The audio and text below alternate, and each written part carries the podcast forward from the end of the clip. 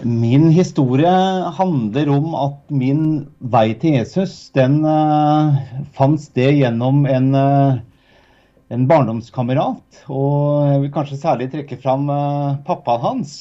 Jeg flyttet til en liten kommune utenfor Tønsberg i Vestfold i forbindelse med at min far, som hadde utdannet seg som politimann, han fikk jobb på lensmannskontoret der. Og eh, en dag eh, dukket opp en, en, gutt på døra vår. Da var jeg vel kanskje syv-åtte år gammel.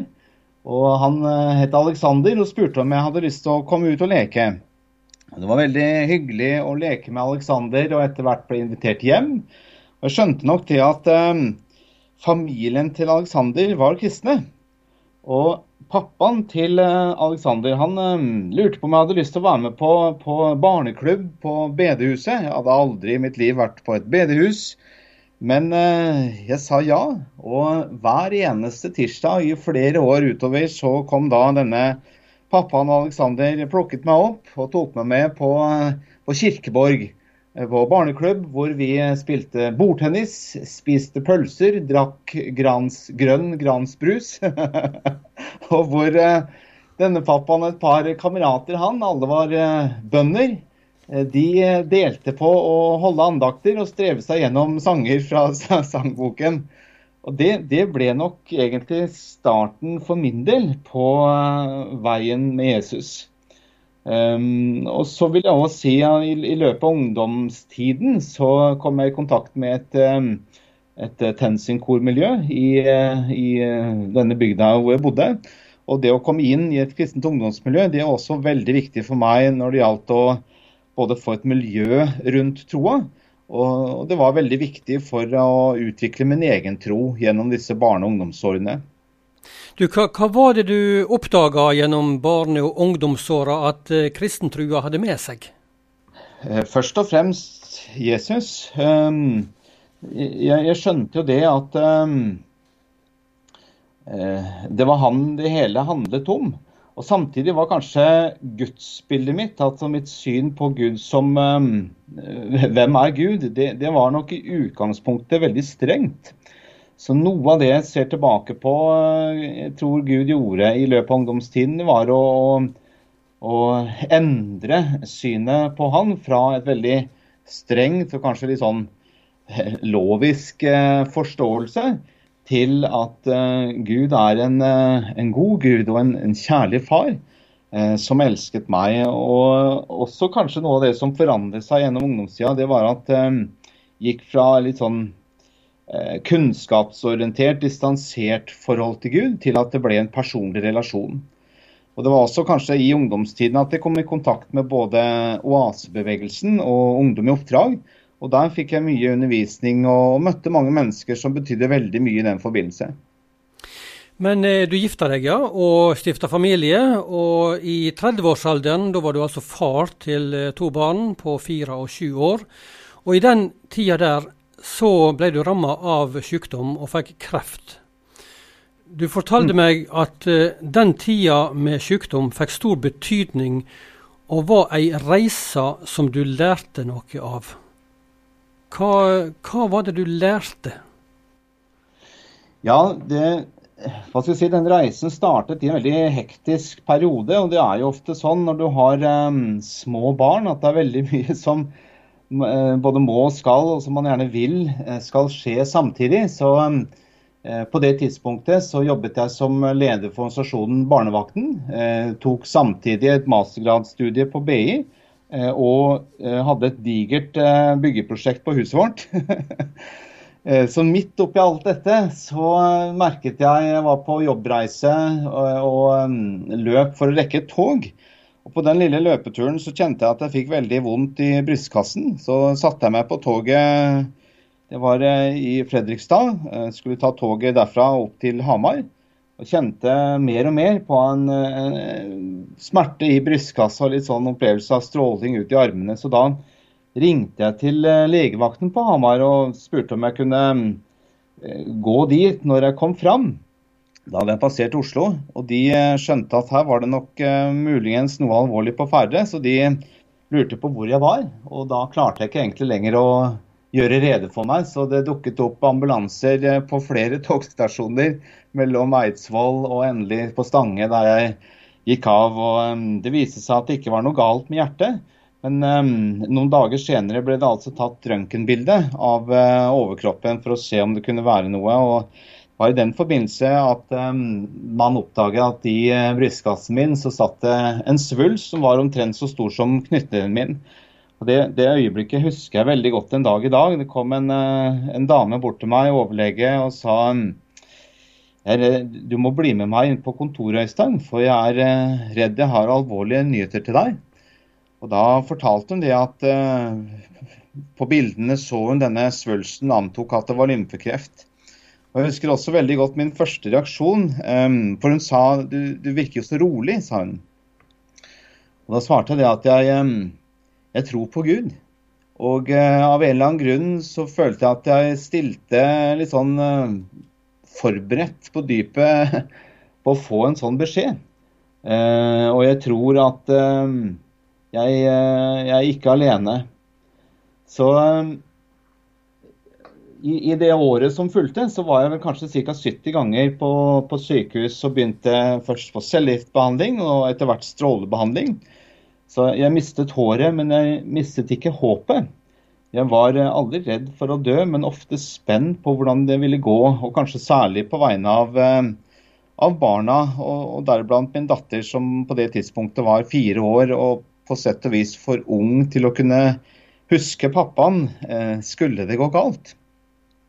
Det gikk godt, vil jeg si. Eh, og, og jeg, for min del så jeg husker jeg, jeg pendlet mye fra Hamar til Oslo eh, for å ta behandling. og Det var en forunderlig opplevelse av å aldri være alene i bilen. Eh, det var som om Jesus satt på sida hver, hver, eneste dag.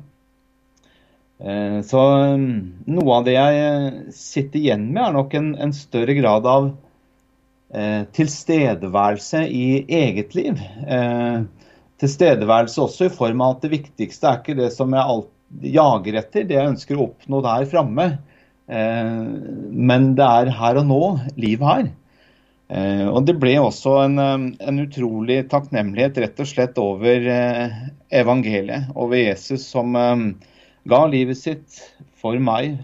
Sånn er det fort når Døden kaster eh, skygger i legemets bakgård. Da, da, oppstår det mange tanker, og for meg så handlet det om å, å kanskje enda tydeligere se hva og hvem som virkelig er viktig.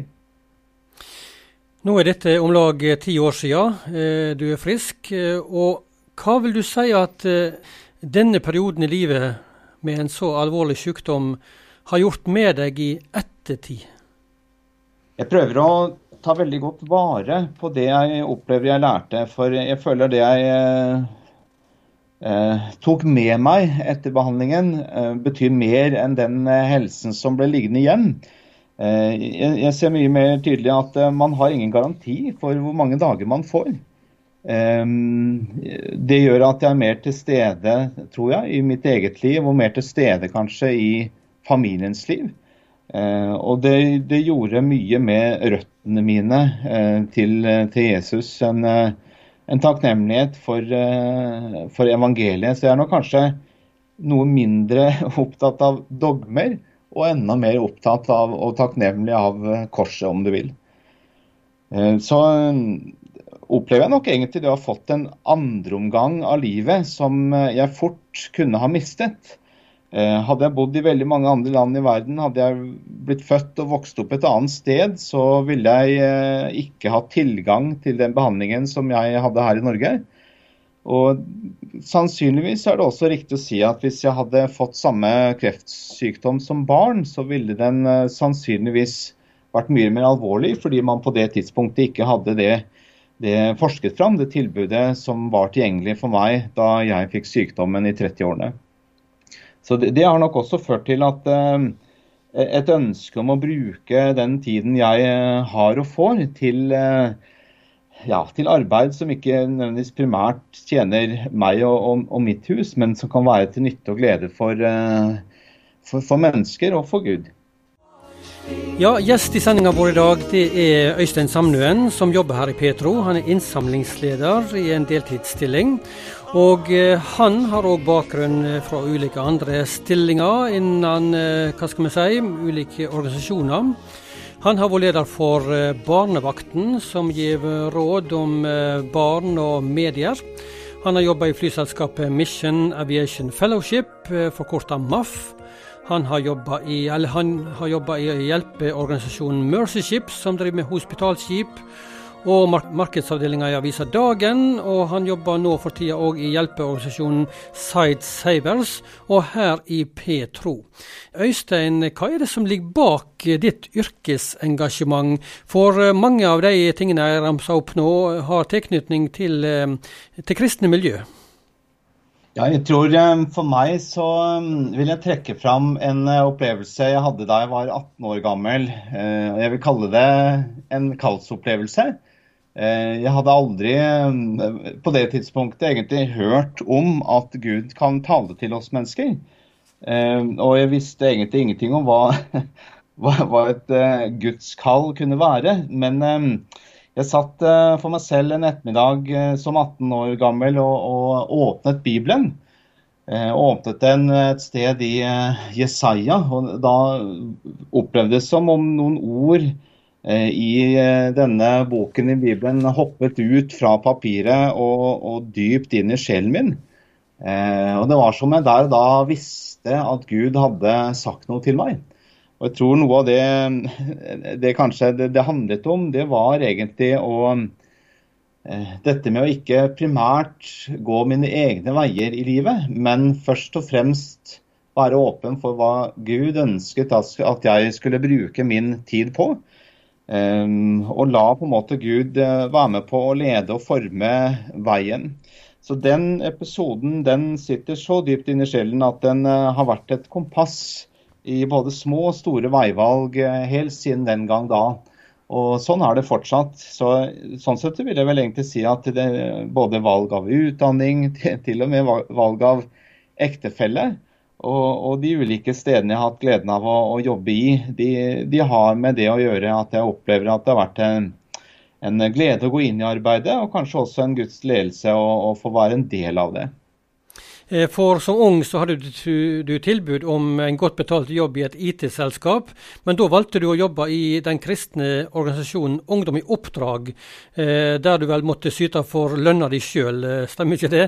Det, det, det, er jo en, en, en radikal yrkesvei, sånn sett. Ja, det stemmer. Vi, jeg og min kone Else vi bodde i Oslo. Jeg studerte bl.a. på BI, BI sitt lederprogram og eh, jobbet samtidig i et, eh, et eh, internettselskap. Fikk spørsmål om å, å, gå inn som leder der, men hadde hele tiden planen klar. Det var Ungdom i oppdrag som var siktemålet. Så vi flyttet fra Oslo til like utenfor Hamar og bosatte oss der. Og så er det, som du sier, Unge oppdrag, så har man ikke betalt altså Man har ikke lønn fra organisasjonen. Man bygger opp et nettverk av givere og støttespillere. Eh, og har det som en alternativ inntektsform. Så etter hvert gikk jeg bl.a. inn i stillingen som økonomileder for Ungdom i oppdrag, hvor du hadde på en måte overordnet oversikt over mange titalls millioner uten, uten årslønn. Så, men igjen, det handlet om eh, at jeg opplevde at det var det jeg skulle, og også det jeg ønsket. Så det var egentlig et lett valg å ta. Det var et lett valg å ta? Ja. ja, nettopp. nettopp. Fordi jeg opplevde det var det som var veien å gå. Og um, det er klart det gjorde det enklere kanskje også å ta det valget. Eh, og litt tilbake til denne, dette møtet med sykdom og opplevelsen av å komme godt ut av det, så har nok også den eh, reisen forsterket ønsket om å kunne bruke den tiden jeg har og får, og de kreftene jeg har, og kunne kanalisere det inn imot eh, diakoni, inn imot misjon og inn imot menighetsliv. Det um, syns jeg er en, en rikdom. Og, og, betyr veldig mye for meg. Du, Nå jobber du for oss i en 20 %-stilling her i Petro som innsamlingsleder. Hva er det som motiverer deg på å jobbe med den type arbeid som vi holder på med? Ja, egentlig samme motivasjon som de andre. Altså muligheten til å bety noe godt dele noe godt inn i folks liv og hverdag. Og deriblant det å kunne dele Jesus med mennesker som lytter. Eh, det er en av de fascinerende tingene med Petro, at eh, hver eneste dag så har vi ja, mellom 12 000 og 16 000 mennesker som, som lytter. Så, så, det å få bety noe for deg, bety noe for alle de, deriblant det å dele Jesus, det, det er en en motivasjon og en glede og en fantastisk mulighet som, eh, som vi har som radiokanalen. Jeg skrev en, eh, et eh, brev til noen av giverne våre som går ut i posten nå i forbindelse med sommeraksjonen vår. Der fant jeg en, egentlig en salme som ble skrevet i 1870, som jeg syns passet veldig fint til Petro. Kan jeg lese litt av den? Ja, vær så god. Ja, ja. Jeg er spent på hva, hva salme det var. Ja, den ble skrevet av en som heter Philip Phillips. Eh, oversatt til norsk så heter den 'Syng evangeliet om Jesus'. Og den ble oversatt av en eh, dame som heter Andrea Mortensen i 1886. Eh, jeg fant den i sangboken 'Rop det ut'. Og eh, på norsk så skrev han 'Syng, ja, syng evangeliet for hver eneste sjel på vår jord'.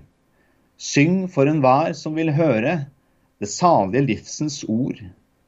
Syng evangeliet om Jesus. Forkynn dette herlige navn.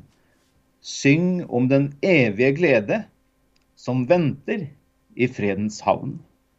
Så når du spør om uh, hva som er min motivasjon, så tror jeg egentlig da har jeg uh, svar godt nok.